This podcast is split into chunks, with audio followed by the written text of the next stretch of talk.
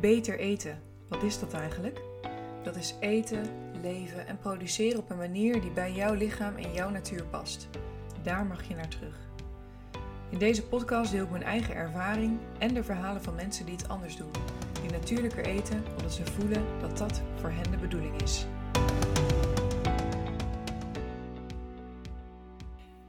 Hey, leuk dat je weer luistert naar een nieuwe aflevering van de Beter Eten podcast. Ik zit hier vandaag met Jeannette van der Loo. Zij is ortomoleculair voedingscoach en hormoonfactortrainer. En wat dat precies inhoudt, daar gaan we het zo over hebben. Ze heeft veel kennis van voeding, van verschillende diëten, van de invloed ervan op ons lijf, op ons hele systeem, op onze verbinding met de natuur, onze emoties, etc. En daar gaan we vandaag over in gesprek. En dan ben je misschien ook wel geïnteresseerd in hoe zij zelf eet. Dat was ik tenminste wel toen ik met haar in contact kwam. Nou, zij volgt ook het carnivore dieet. Maar goed, daar straks over meer. Eerst Jeannette, leuk dat je er bent. Fijn dat je de tijd uh, hiervoor wilt maken. Dankjewel. Ik vind het ook leuk dat ik hier ben. Mooi. Hey, eerst eventjes over jouw uh, beroep, over wat jij doet. Wat doet een orthomoleculair voedingscoach en een hormoonfactortrainer? Kun je daar eens iets over zeggen? Ik begin met de laatste, hormoonfactor trainen, want dat is de opleiding uh, die ik ook nog voor uh, mijn opleiding orthomoleculair voedingscoach heb gedaan. Hormoonfactor trainen wil zeggen dat je aan de hand onder andere van een hele uitgebreide anamnese kijkt naar uh, alle hormonen in het lichaam. En dan vooral eigenlijk uh, de balans of de onbalans uh, kan opmerken, zeg maar. En bij hormonen kun je natuurlijk denken aan zowel uh, insuline, wat wel bekend is in verband met onze suikerhuishouding, als cortisol, wat met stress te maken heeft. onze schildklierhormonen, die vooral veel invloed op onze stofwisseling hebben. maar natuurlijk als vrouw ook oestrogeen en progesteron ja, zo zijn er nog wel meer uh, hormonen, maar dit zijn eigenlijk de, de, de, meest bekende en die ook een uh, enorme invloed hebben op onze gezondheid, in hoe we ons voelen. Ja, op alle aspecten eigenlijk van onze gezondheid. Dus dat is uh, hormoonfactortrainer. En aan de hand van die anamnese kan ik dan dus uitleggen wat ik zie. En dan met voeding aan de slag gaan om dingen weer meer in balans te brengen. Nou, en daarbij ben ik dan ook orthomoleculair opgeleid. En dan kijk je ook nog wat meer naar alle nutriënten. Dus uh, krijg ik al mijn vitamines binnen, alle eiwitten, aminozuren die ik nodig heb, uh, mineralen, uh, noem maar op. Ja, aan de hand daarvan kun je ook kijken of je überhaupt al wel binnen je voeding die dingen binnenkrijgt die je nodig hebt. En als je nutriëntentekorten hebben, hebt, wat je daaraan kunt doen. Even voor mijn beeld, hoe, hoe doe je zo'n anamnese? Hoe werkt dat? Ik heb altijd eerst al een, eh, een gewone vragenlijst met open vragen, uh, waarin ze kunnen aangeven wat hun uh, voedingspatroon is van de afgelopen tijd. Want dat is natuurlijk de basis waar ik dan van uitga.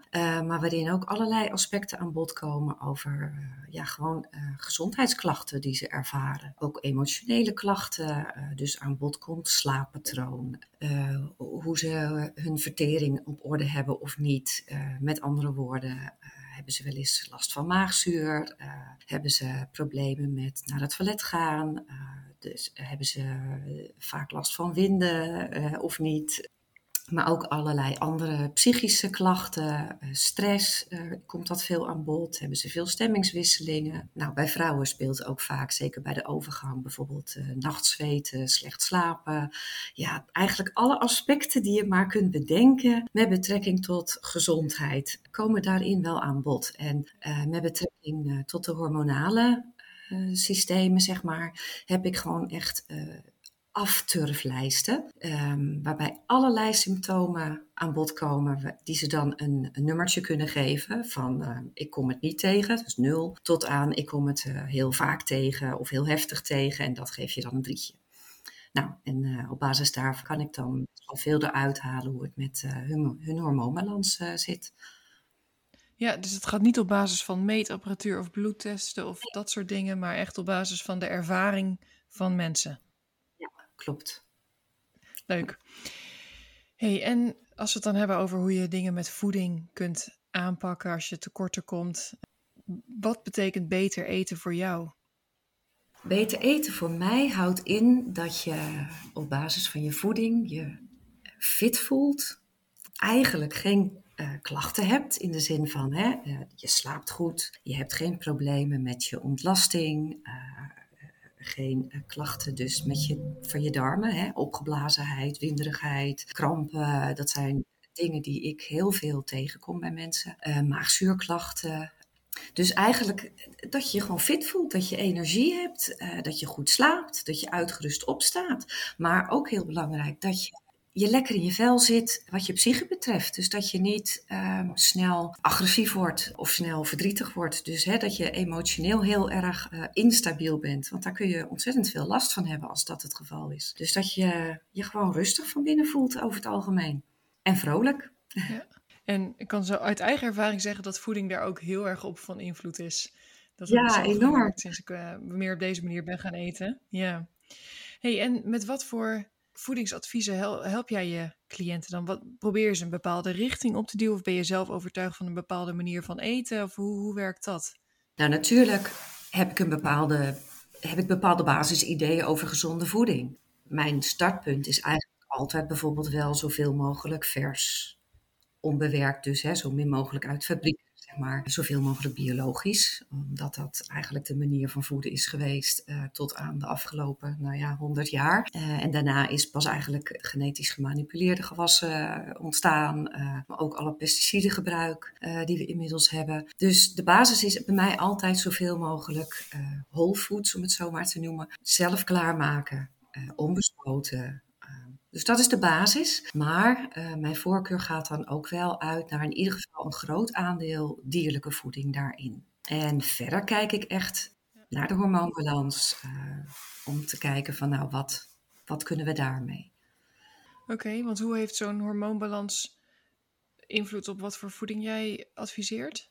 Nou, om te beginnen al uh, heel simpel. Als jouw suiker stofwisseling niet goed verloopt. Um, en dan bedoel ik dat je insulineresistent bijvoorbeeld bent. Dat komt bij ook steeds meer mensen voor. Dan, ja, om het even simpel uit te leggen, als je glucose binnenkrijgt. En dat kan natuurlijk middels suiker, maar ook natuurlijk via alle andere koolhydraten. Denk aan brood, pasta, zetmeel in aardappels, noem maar op. Dat, dat breken we eigenlijk direct af naar suikers. En in ons lichaam wordt dat op dezelfde manier eigenlijk verwerkt. Nou, dan stijgt je bloedsuikerspiegel heel snel en heb je insuline nodig. Dat is een hormoon die in je alvleesklier wordt aangemaakt om die bloedsuikerspiegel weer te stabiliseren. Nou gaat dat bij uh, mensen op termijn vaak problemen opleveren omdat wij uh, in ons westerse voedingspatroon al zo lang zoveel koolhydraten tot ons nemen, dus zoveel suikers binnenkrijgen, dat ons lichaam uh, enigszins resistent kan worden voor insuline.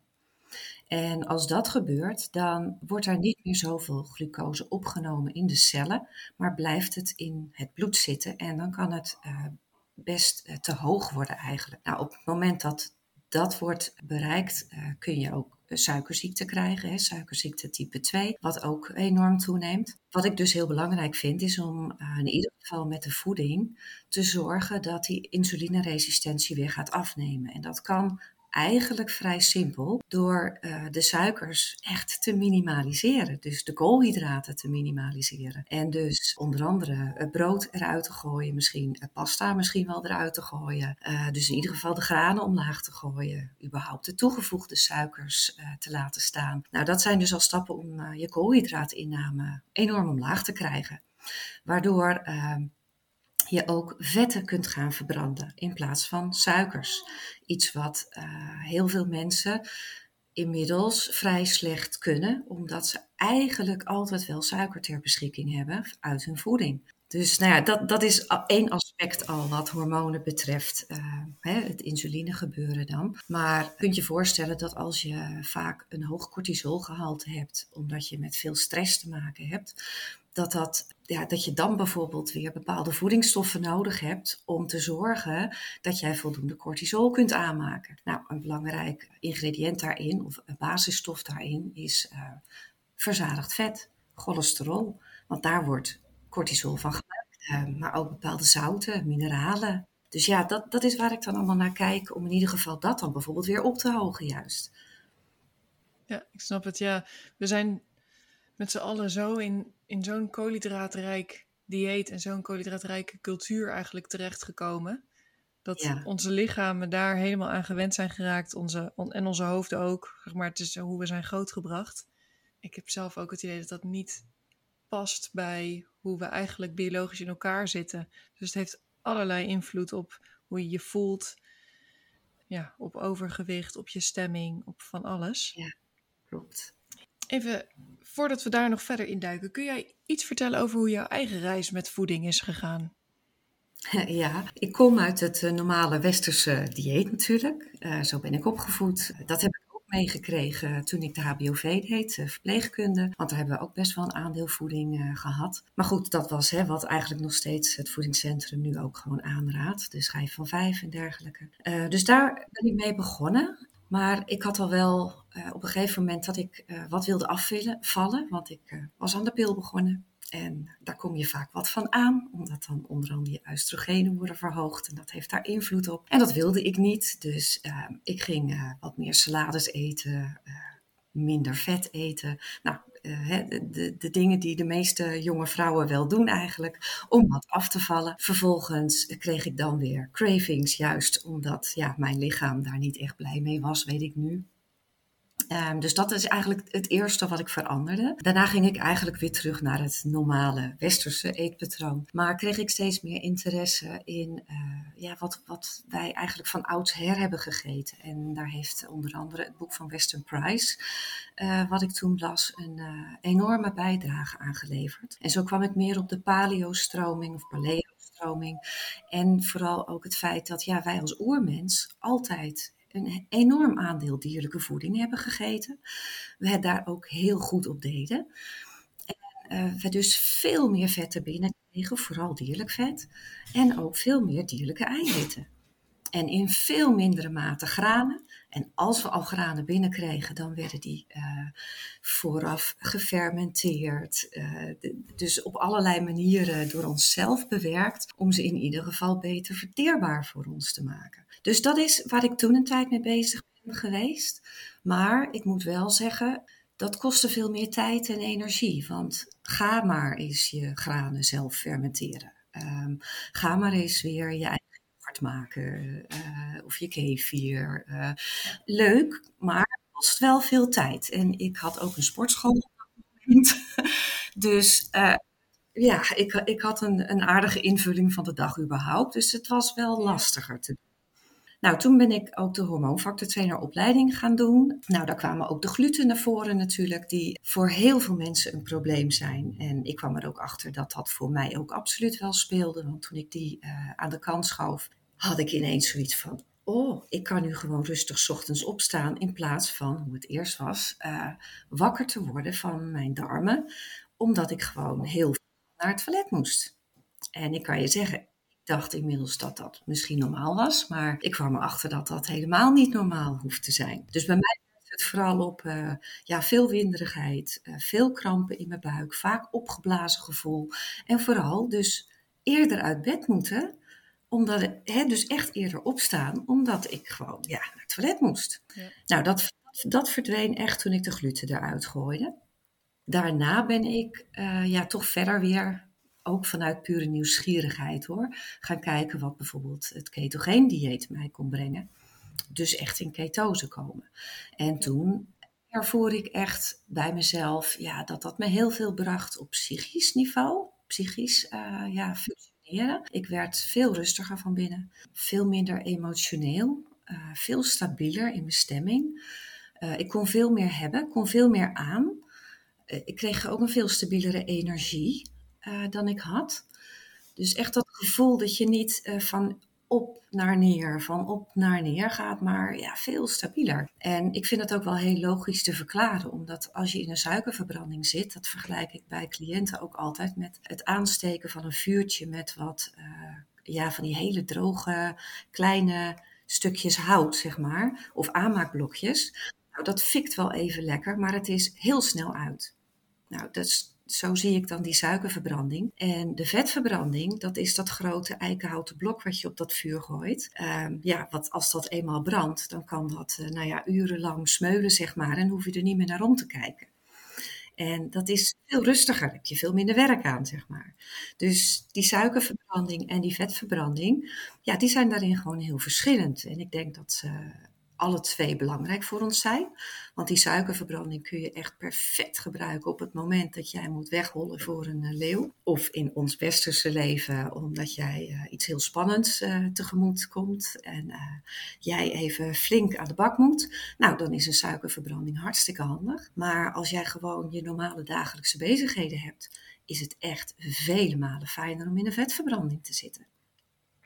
Want dat geeft veel meer rust, steady energie. Mm Ja, een vraagje over die suikerverbranding. Als je dan nu eigenlijk een carnivore dieet eet met heel weinig koolhydraten, denk ik.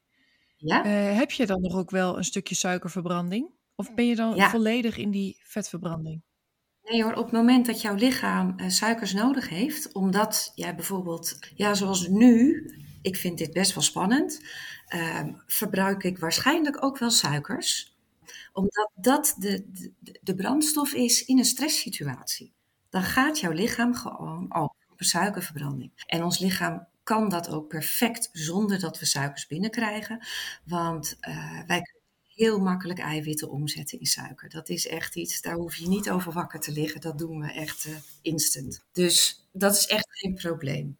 Maar op het moment dat ik weer even wat rustiger ben, uh, iets meer ontspannen, dan kom ik weer gewoon lekker in mijn vetverbranding. En dan ja, is dat de ideale brandstof, vind ik. Dus als ik het goed begrijp, heb je aan die ketose, zeg of in, door in die vetverbranding te zitten, kom je in een stabieler energieniveau, heb je niet die suikerpieken.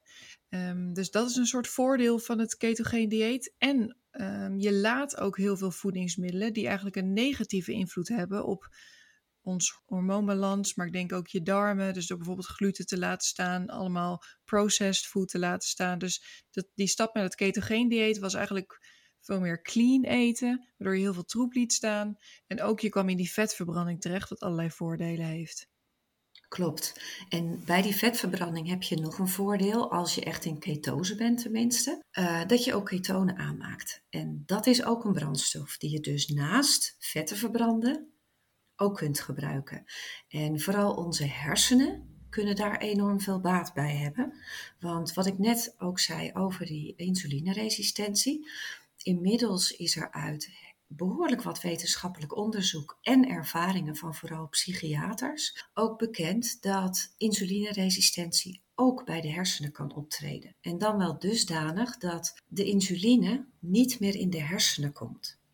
De suikers kunnen daar altijd wel heen, want die kunnen door de bloed-hersenbarrière heen. En dan heb je dus het probleem dat er heel veel glucose is in die hersenen, maar dat die glucose hoegenaamd niet meer in die cellen komt. Dus je krijgt dan eigenlijk de situatie dat hersenen verdrinken in de suiker, maar ze kunnen het niet verbranden.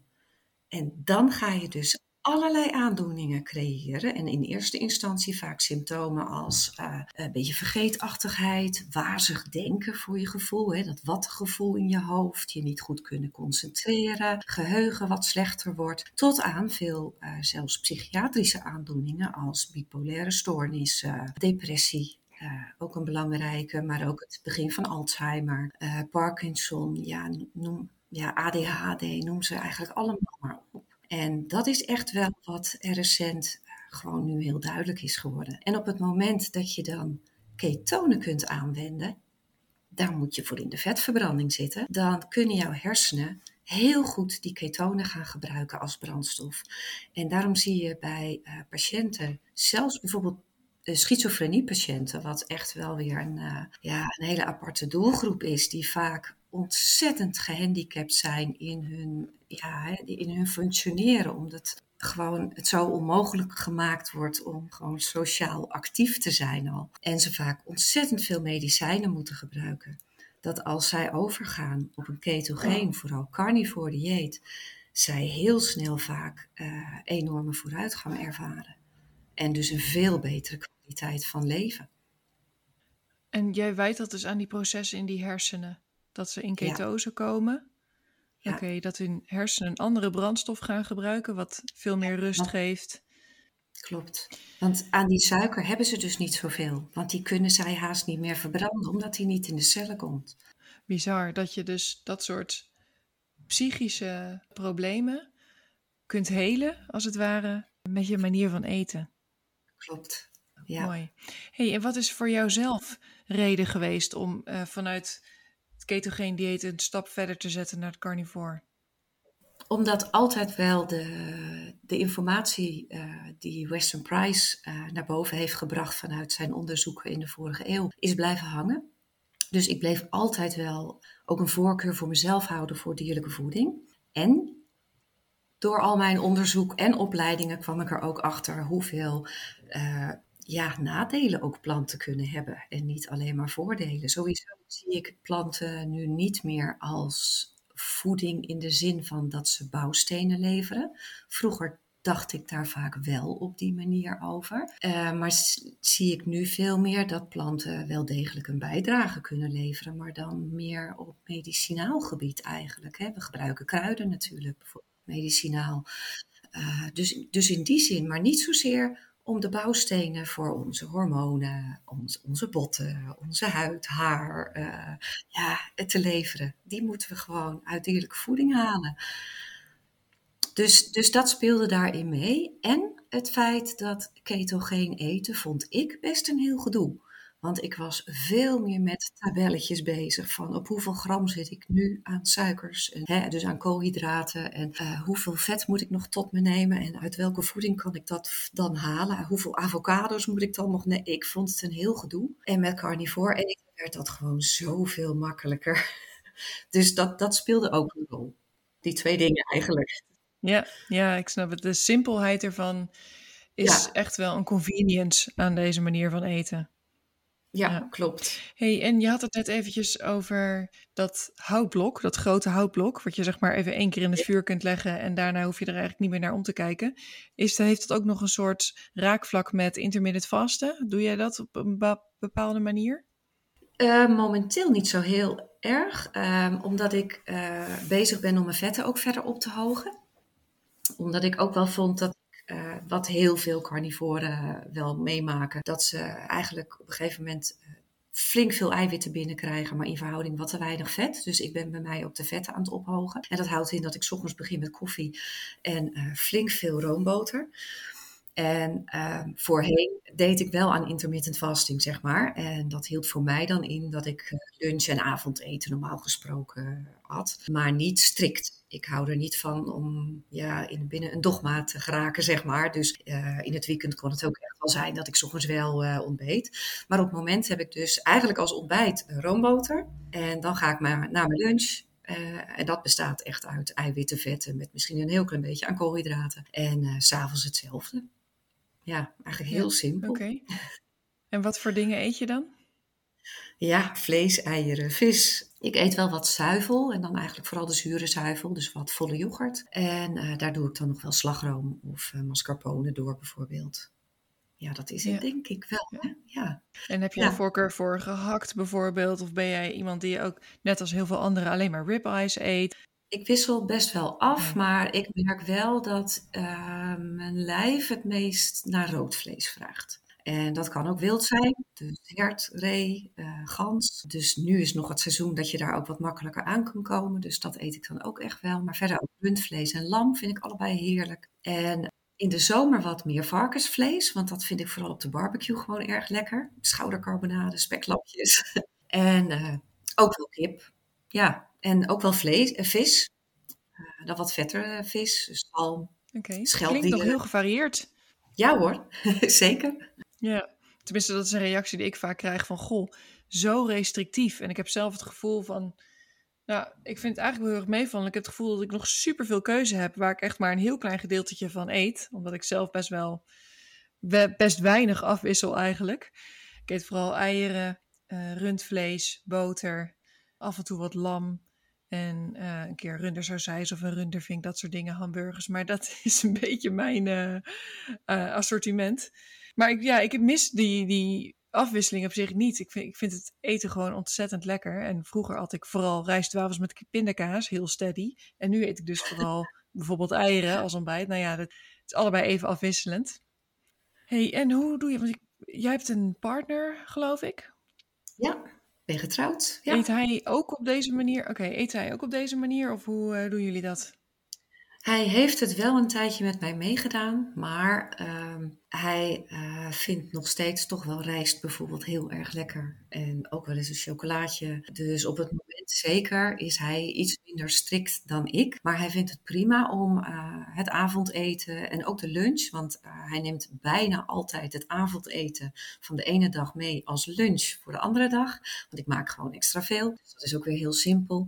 Dus hij doet het in iets, in iets gematigdere vorm. Maar hij gaat uh, voor de rest daarin eigenlijk wel uh, met mij mee hoor. Ja. En in het weekend, in het weekend maakt hij dan wel vaker eens een uh, gerecht met rijst of zo. Of pasta. Ja, dat doet hij dan wel. Maar goed, dan neem ik alleen het vlees. Helemaal prima. Ja, snap het. Ja, ja, dat heb ik ook. Mijn vriend is dan vegetarisch, dus die is echt totaal tegenovergesteld. In het begin was dat wel een beetje zoeken, maar nu hebben we ook gewoon helemaal zo'n rib. Ja, we eten allebei wat we zelf prettig vinden. We eten alsnog gewoon gezellig samen, maar dat is in principe geen enkel probleem, ook als je daarin wat verschilt. Ja, ja. Ja, want dat lijkt me inderdaad nog wel lastiger. Ja, nee, en toch hebben we hier gewoon een heel goed ritme en onze manier ingevonden. En maakt het eigenlijk niet uit. hey, toen wij in het voorgesprek even belden, toen hadden we het ook over spiritualiteit en de invloed van deze manier van eten op nou, spiritualiteit, je idee van verbinding met het grotere geheel, je onderdeel voelen van het hele ecosysteem. Kun jij zelf eens omschrijven wat je daarin hebt ervaren toen je meer op deze manier ging eten? Ja, om nog heel even terug te gaan op wat ik ook gegeten. Ik heb, ben vroeger ook vegetarisch geweest. En, want dat sluit hier wel bij aan. Dat was ook echt vanuit ethisch motief. Omdat ik uh, het vreselijk vind hoe het er in de bio-industrie aan toe gaat. En uh, dat geldt natuurlijk nog steeds. Daarin ben ik ook absoluut niet veranderd. Voor mij is het dus ook belangrijk wat de herkomst van het vlees is. En dat is zowel omdat ik ja, ook van dieren hou. Heel simpel dat. Ik wil graag dat ze gewoon een, zo natuurlijk mogelijk leven leven. Maar ook omdat ik besef dat ja, als het dier gezond is, het goed heeft, dan is ook het vlees wat hij uh, ja, he, heeft, voor ons weer heel gezond. Dus het is beide natuurlijk. Het is dus ook weer in ons eigen belang als wij uh, het dier goed behandelen. Maar wat ik ook gemerkt heb in de periode toen ik vegetarisch was, uh, wel grappig. Ik moest uh, er van de week aan terugdenken, omdat we een voorgesprekje hebben gehad. Uh, en toen besefte ik dat ik een, een burn-out heb gehad op het moment dat ik vegetarisch was. En daar had ik eigenlijk nooit eerder bij stilgestaan. En nou wil ik niet zeggen dat het door het vegetarisch zijn kwam hoor, echt niet. Want er spelen natuurlijk een heleboel redenen, uh, oorzaken onder. Maar ik vind het nu wel frappant dat het wel in die periode, zeg maar, uh, nou ja, naar boven kwam. En het verschil voor mij is dus dat ik nu met uh, veel dierlijk eten, ofwel op dit moment ook carnivore zijn, dat ja, ik, je bent veel meer geaard. Ik, ik zit goed in mijn lijf, terwijl ik vroeger sneller dus uh, emotioneel was. Altijd al wel met spiritualiteit bezig ben geweest. Met zingeving zoeken. Wie ben ik? Waarom ben ik hier? Wat doe ik hier? Inderdaad goed voor alles willen zijn wat leeft. Maar ik had het gevoel dat ik veel meer in mijn hoofd zat.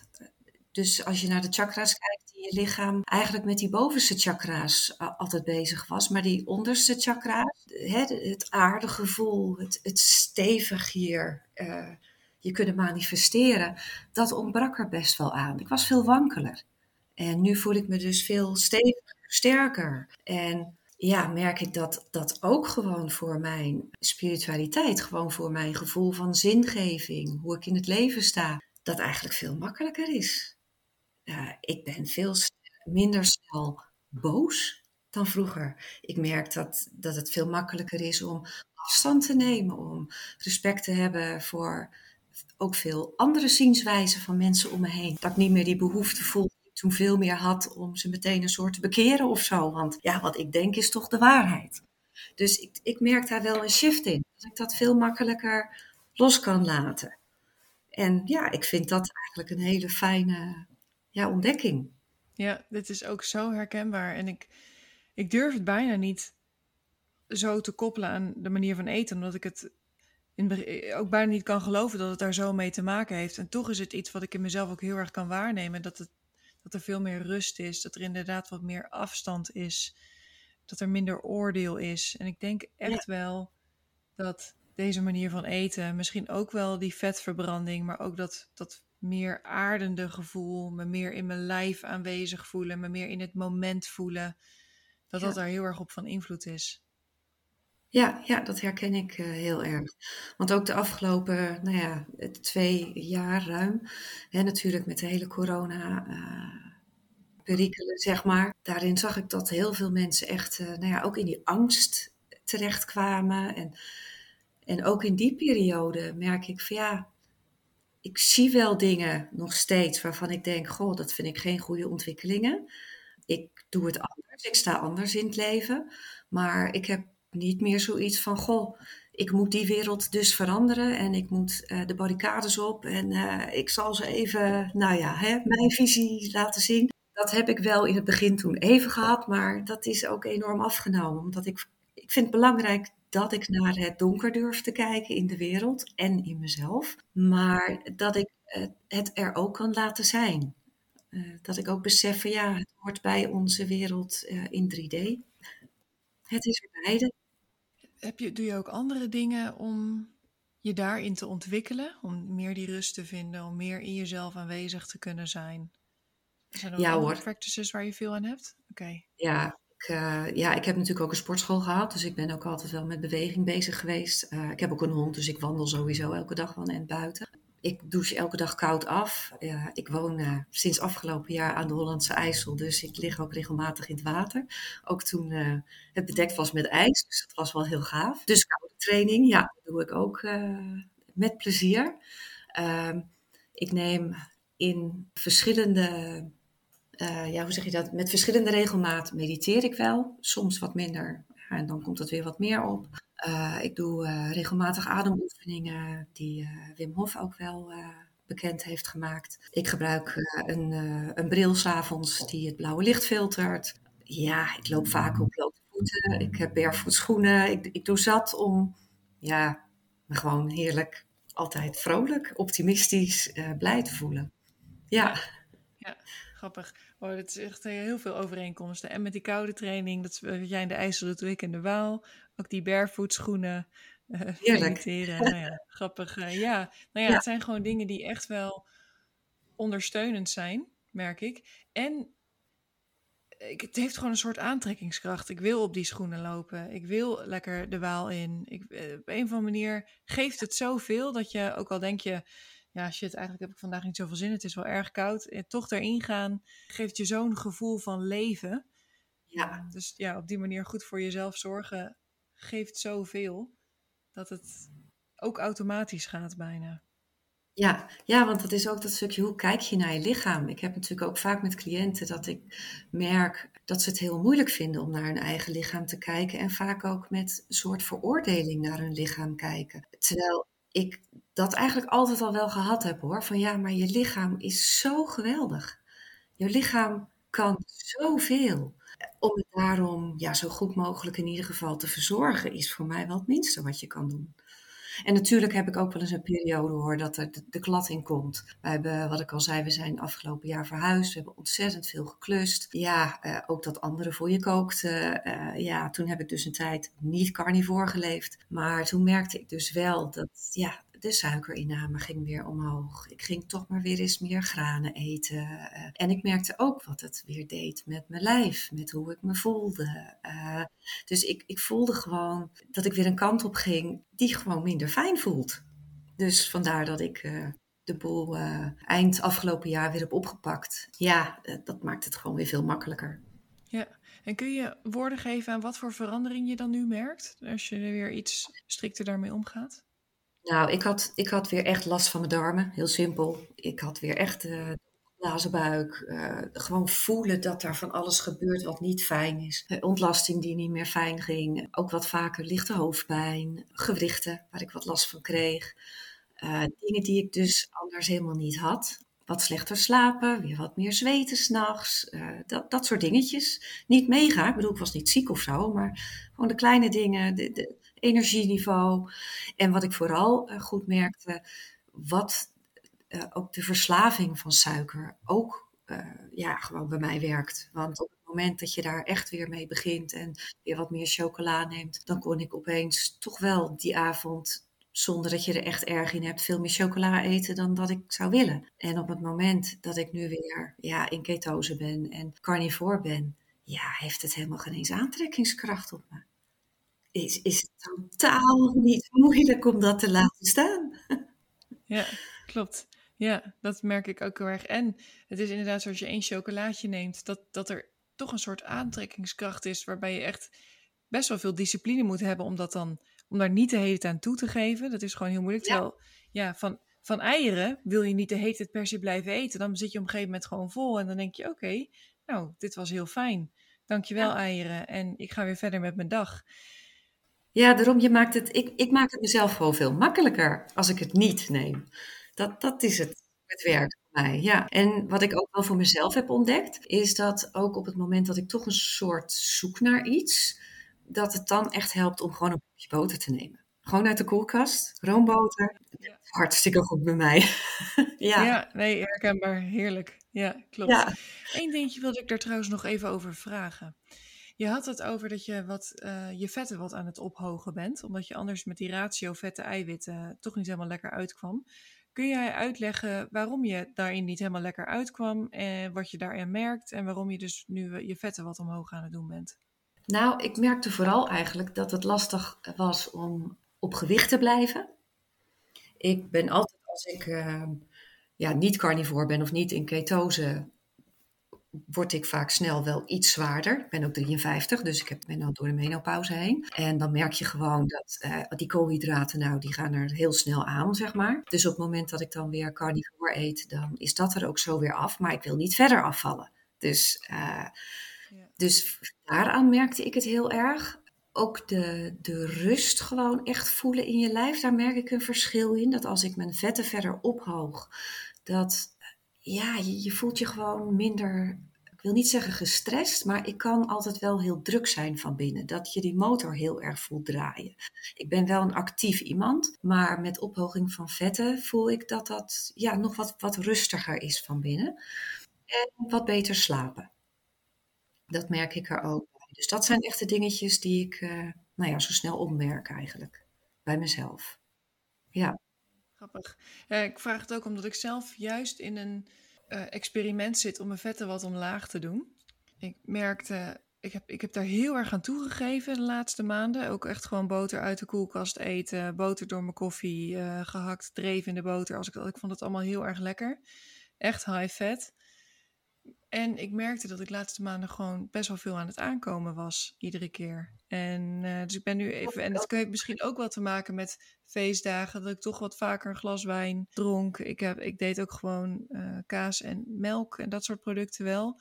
Dus daar ben ik nu eventjes mee gestopt en gewoon even wat minder vaak uh, een wijntje meedoen of dat soort dingen. Dat doe ik eigenlijk gewoon eventjes niet om te kijken wat dat voor me doet. Maar ook die boter een beetje omlaag, want ik heb het gevoel dat ik daarin misschien me ook een beetje liet meeslepen door de hele hype rondom meer vet, meer vet, meer vet, meer vet. Boter is een beetje het antwoord op alles binnen sommige communities.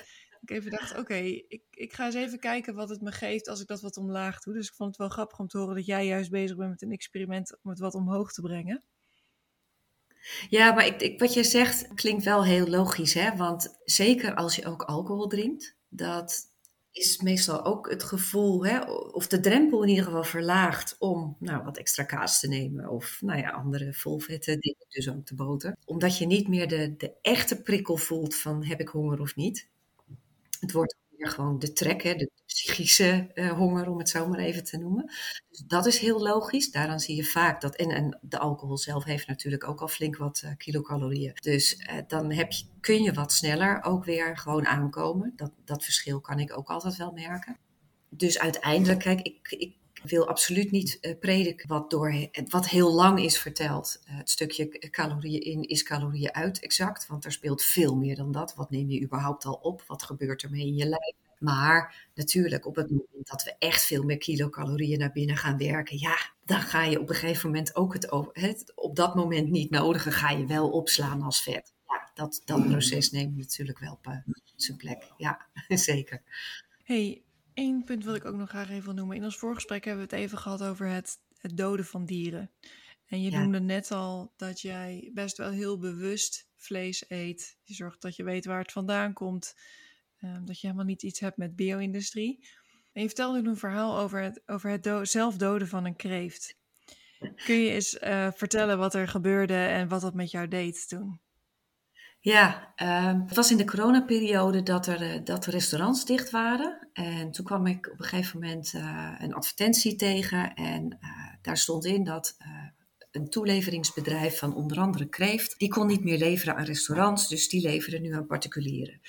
Nou, mijn man en ik zijn alle twee gek op onder andere kreeft en schelpdieren en dergelijke. Dus ik had zoiets van, nou, weet je, we konden ook al nooit natuurlijk uit eten gaan op dat moment. Ik denk, nou, dat bestel ik gewoon en dan uh, gaan we dat een keer, maak ik dat klaar en dan eten we dat lekker op. Alleen ik had er totaal niet bij stilgestaan dat een kreeft, ook als die gewoon wordt, uh, nou ja, aan de deur wordt afgegeven, dat die nog leeft op dat moment. Dus ja, die middag kreeg ik hem binnen. En ik maakte die doos open en inderdaad een kreeft die nog bewoog en ja, gewoon duidelijk levend was. Dus dat was echt wel even slikken. Ik had zoiets van, jedem, dan moet ik hem zelf dus doodmaken. En wat je wel hoort en ziet, uh, dat hij levend in een uh, pan met kokend water gaat, dat vond ik echt een vreselijk idee. Dus ja, ik ben gaan zoeken op internet, of gewoon gaan googelen van, ja, hoe moet ik dat dan doen? Ja, dus op het moment dat we gingen eten, wilde mijn man het wel van me overnemen. Want die, ja, die is daar, heeft daar veel meer ervaring mee. Die heeft ook als kind in Suriname kippen eh, zelf moeten eh, doden en moeten plukken en dergelijke. Dus die, die kan dat veel makkelijker dan ik. Maar ik had echt zoiets van: nee, ik, dit, het voelt voor mij dat ik het inderdaad zelf moet doen. Want ik heb hem besteld, ik wilde dit eten, dus uh, dit ga ik zelf doen. Nou, toen heb ik het inderdaad zelf gedaan door met een, uh, ja, een soort scherp mes achter zijn kop eigenlijk uh, heel snel naar binnen te steken. En dat vond ik wel heel heftig om te doen. Maar tegelijkertijd was het voor mij ook een, ja, ja, dat was voor mij nou echt een spirituele ervaring. Het was heel maf. Ik voelde me zo dankbaar, zo'n dankbaarheid naar die kreeft. Zoveel respect voor die kreeft. En dus die dankbaarheid, die nederigheid voelde ik dat, ja, ik mocht eten van zijn vlees voor mijn gezondheid. Zodat dat, dat het mij mag voeden. Dus dat heb ik enorm beseft. En bij het eten van die kreeft heb ik ook echt, nou ja, tot in de, de, de, kleinste pootjes waar je maar in kunt komen, heb ik ook echt geprobeerd alles eruit te halen. Omdat ik me daar, ja, daar voelde ik me ook verantwoordelijk voor. Zo van, ik, ga, ik wilde niks verkwisten, zeg maar. Ja, ik heb met heel veel respect die kreeft opgegeten. En ik denk dat dat iets is wat in onze samenleving ook steeds meer ontbreekt. er, ligt een, een, ja, er ligt gehakt of uh, kipfilet in het schap van de, van de supermarkt. En we herkennen het totaal niet meer als een dier. En ook onze kinderen voeden we daar helemaal niet mee op. Dus ik hoorde pas oh, toevallig even, oh dat was op Fanny's home video's of zo, dat een meisje werd gevraagd van drie of zo, van waar komt jouw, uh, nou ja, wat was het, een stukje kip vandaan? En dat meisje meteen uit de supermarkt. Nee, dat is van de kip. Nee, Nee, die komt uit de supermarkt. Dus daaraan was voor mij weer die bevestiging van ja, wij staan zo los inmiddels van de natuur over het algemeen, dat we ook die binding niet meer voelen met dat stukje vlees wat op ons bord ligt. Dus inderdaad dat beeld er ook niet meer bij hebben. En dat vind ik ook eigenlijk meteen wel samenhangen met die spiritualiteit ook. Want als je naar de, bijvoorbeeld de indianen in uh, Noord-Amerika dan kijkt, als die een bison hadden, op, op een bison hadden gejaagd, en ze hadden hem down, hè? dus hij lag op de grond. Dan uh, gingen ze er allemaal heen met de kinderen erbij om uh, respect te tonen aan dat dier, om dankbaarheid te tonen dat dat dier voor hun gestorven was. En ja, dan ga je meteen totaal anders om met ook, ook de dingen die je eet. Dan, dan wordt het een heel ander verhaal. Dan gooi je ook niet zomaar een stuk vlees meer weg. Dan laat je niet de helft aan het bot zitten dan wordt dat zo anders, omdat je beseft dat je onderdeel bent van de natuur, van de kringloop. Dat jij dieren nodig hebt om uh, zelf gezond te blijven. Dus dat je er niet boven staat, maar er gewoon onderdeel van bent. En dat is wat ik ja, ook, ook mis. En ook zelf, toen ik vegetariër was, uh, heb ik dat ook wel ervaren hoor. Zo van, ja, maar ik dood geen dieren. En daar voel je eigenlijk nog een soort... Uh, ja, ook boven de natuur staan. En nu ervaar ik mezelf veel meer echt als schakel binnen in de natuur. Veel meer dat besef, ik heb hun nodig. En als ik doodga, voed ik de planten weer. Dus we hebben elkaar allemaal nodig. Dat maakt mij niet een slechter mens of zo. Nee. Nee, klopt. Nee, dit is echt super herkenbaar. Dit is ook, ook heel erg uh, mijn ervaring. En inderdaad, wat je zegt, het maakt je geen slechter mens. Als in een leeuw die een hyena eet, is ook niet een slechte leeuw. Maar dit is Nee. hoe de voedselketen blijkbaar werkt. En daarin mogen we ook onze plek innemen. En daar heel veel dankbaarheid voor hebben. Dat we dat, dat andere dier doodgaat voor ons leven, zeg maar. En dat Ja. het zo werkt. Ja, ik vond het heel mooi wat je net omschreef. Met het- dat die familie dan dus om die bison gaat staan. Om dat eigenlijk te eren. Dat het voor hun gestorven is. Ik, ik merk zelf Ja. ook heel erg sinds ik op deze manier eet. Dat er nog veel meer dankbaarheid is gekomen in mij voor het eten wat ik eet. En eerder deed ik dat ook wel. Als in, ik trainde mezelf daar eerder in. Door met aandacht te eten. Door eventjes te bedenken waar het allemaal vandaan komt. Wat ik at. Maar nu, nu ik zo dierlijk eet, is dat echt een automatisme bijna geworden. Dat ik echt als ik, als ik een stukje vlees eet, dat ik zoveel dankbaarheid kan voelen voor dat dier op mijn bord. Wat mij voedt. Ja, wat me zoveel geeft daarin. Eh, wat Ja. me mijn leven geeft eigenlijk. Ja, ja, dat besef. Dus eh, ja, ja. Het is zoiets essentieels waar, waar ik weer mee in contact ben gekomen door op deze manier te eten. Dat is het eigenlijk. En dat hangt Ja. denk ik ook samen met die, met die rust, met dat in mijn lijf aanwezig zijn, met het contact met die essentie in mijzelf, in dit hele leven wat zo bizar prachtig is, dat we niet echt, echt geen idee hebben hoe het eigenlijk werkt, maar dat we er wel in, in mee kunnen gaan, als het ware, door die stroom te volgen. Nou ja, dat, dat, dat heeft het carnivore dieet eigenlijk mij nog meer gegeven. Ja, ik, ik denk ook dat het durven kijken dus naar eh, binnen in jezelf. Ik, ik hou er ook van om te graven in mezelf, om te kijken wat speelt daar. Dus ook die donkere kant te ontdekken. Hè? Carl Jung bijvoorbeeld. Dat heeft voor mij verband met kijken naar wat wij dus werkelijk nodig hebben om gezond te zijn. En heel vaak durven mensen daar soort niet naar te kijken, heb ik het gevoel. Hè? Eh, dus nee planten kunnen het ook. En ja, ik weet voor mezelf in ieder geval dat op die manier kunnen planten dat niet voor ons. Planten zijn heel goed en eh, ik heb heel veel respect voor planten en ik kan ontzettend van ze genieten. Maar dit stukje hebben we nodig van dieren. En ja, om daarnaar te kijken dat je dat nodig hebt, daar heb je ook een soort voor nodig. Ja, om net als dat kijken in jezelf, naar het donker in de wereld, maar in jezelf, maar ook naar dat kijken van, ja, maar ik, ik heb vlees nodig. Mhm, Ja, Eieren, Ja, of, hè, ik bedoel, je ja, en daarvoor gaan staan. Dus nou ja, dat. En die, die ruimte ook kunnen innemen als mens en je verantwoordelijkheid daarin nemen. En ook de schuld op je nemen, die je dus eigenlijk op je neemt door eh, het vlees te eten. Ja. daar allemaal voor te gaan staan, daar je verantwoordelijkheid in nemen, dat op een goede manier te doen. Dat vraagt een bepaalde volwassenheid. Van niet alleen maar alles licht en liefde, maar inderdaad, dood is onderdeel van het leven.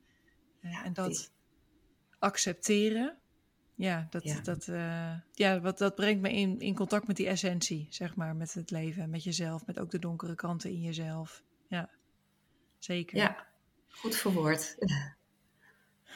Hey, ehm, waar ik graag mee zou willen afsluiten is hoe kunnen luisteraars jou vinden als ze denken: Goh, ik kan wel wat hulp gebruiken bij mijn eten, mijn hormonen. eh, en misschien ook wel iemand die mij kan helpen met eh, meer carnivore manier van eten. Hoe kunnen mensen jou vinden? Ik heb gewoon een website, heel simpel, www.joyfood.nl. Ik ben weer begonnen wat actiever te worden op Instagram en Facebook. Daar kun je me ook onder Joyfood eh, vinden. Ehm, ja, en dan staan al mijn gegevens daar ter beschikking. Dus dan kun je me bellen, mailen, gewoon op die manier Ja. om in contact met mij te komen. Oké. Nou, goed. Jeanette van der Loo, dat is je naam. Ik zeg hem toch nog een keer, dan kunnen mensen je ook daarop vinden. Heel erg bedankt voor je verhaal en voor je openheid. En eh, ja, voor mij ook je inspiratie als het gaat om contact met de natuur, het contact met jezelf en wat, eh, wat de invloed van voeding daarop kan zijn. Graag gedaan. Ja. Ik vond het leuk.